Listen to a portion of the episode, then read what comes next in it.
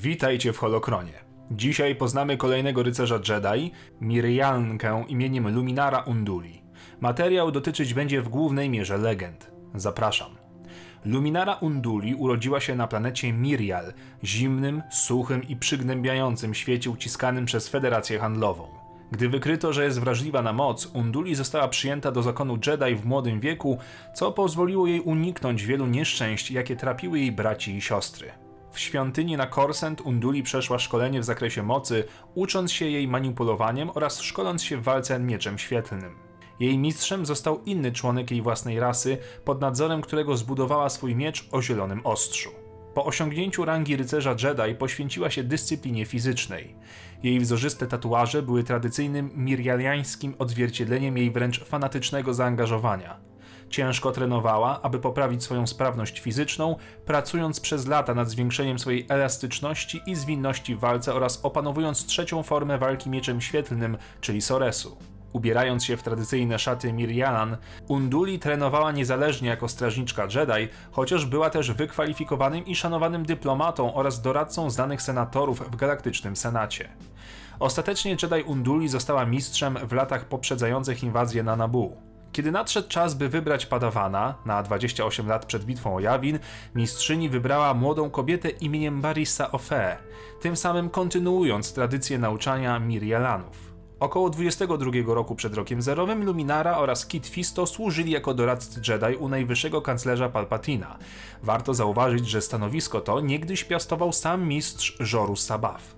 W kolejnych latach Luminara i jej padawanka udały się na planetę Ancjon, aby upewnić się, że świat pozostanie w Republice Galaktycznej, a nie dołączy do rosnącej mocy separatystów. Po ataku na dwie kobiety przez grupę najemników zostały one uratowane przez Obi-Wana Kenobiego i jego ucznia. Misja wymagała spełnienia karkołomnych zadań, ale ostatecznie zakończyła się powodzeniem. Czterej Jedi zmusili rząd planety do przyłączenia się do Republiki. Więcej o tych wydarzeniach dowiecie się z książki The Approaching Storm autorstwa Alana Dina Fostera.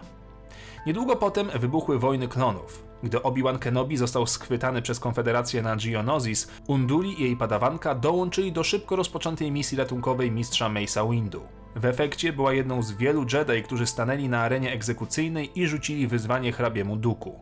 Luminara cudem uniknęła tu śmierci, ocaliło ją przybycie wielkiego mistrza Jody. Ale tego oczywiście dowiecie się z filmu Atak Klonów.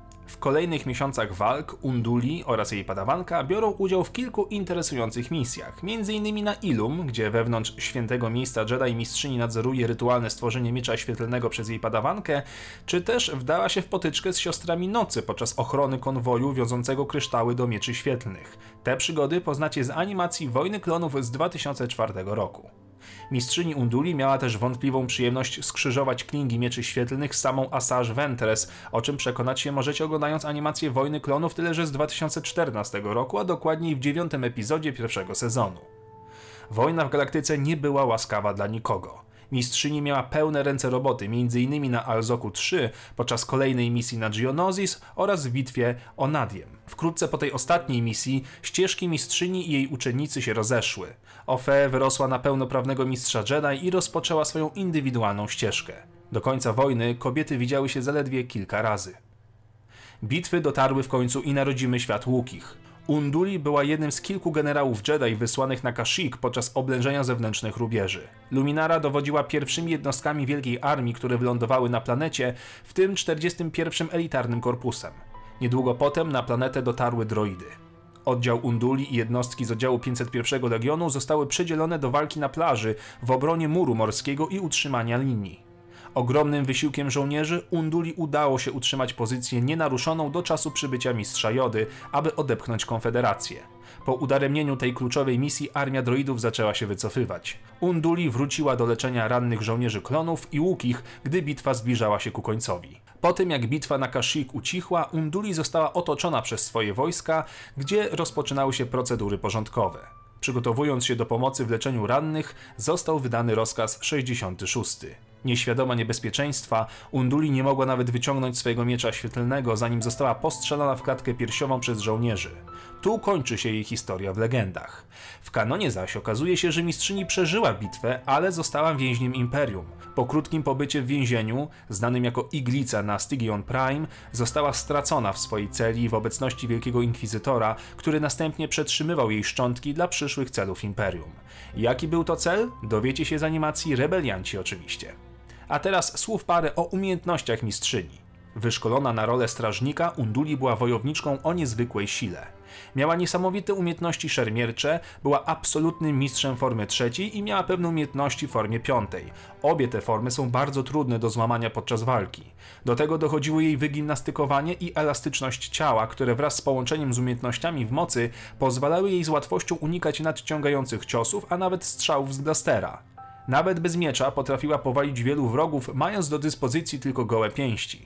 Unduli była również mistrzynią w używaniu mocy do zwiększania fizycznych możliwości ciała, wzmacniała wykonywanie imponujących akrobacji, skakała na ogromne wysokości i odległości oraz biegała z niesamowitą zwinnością.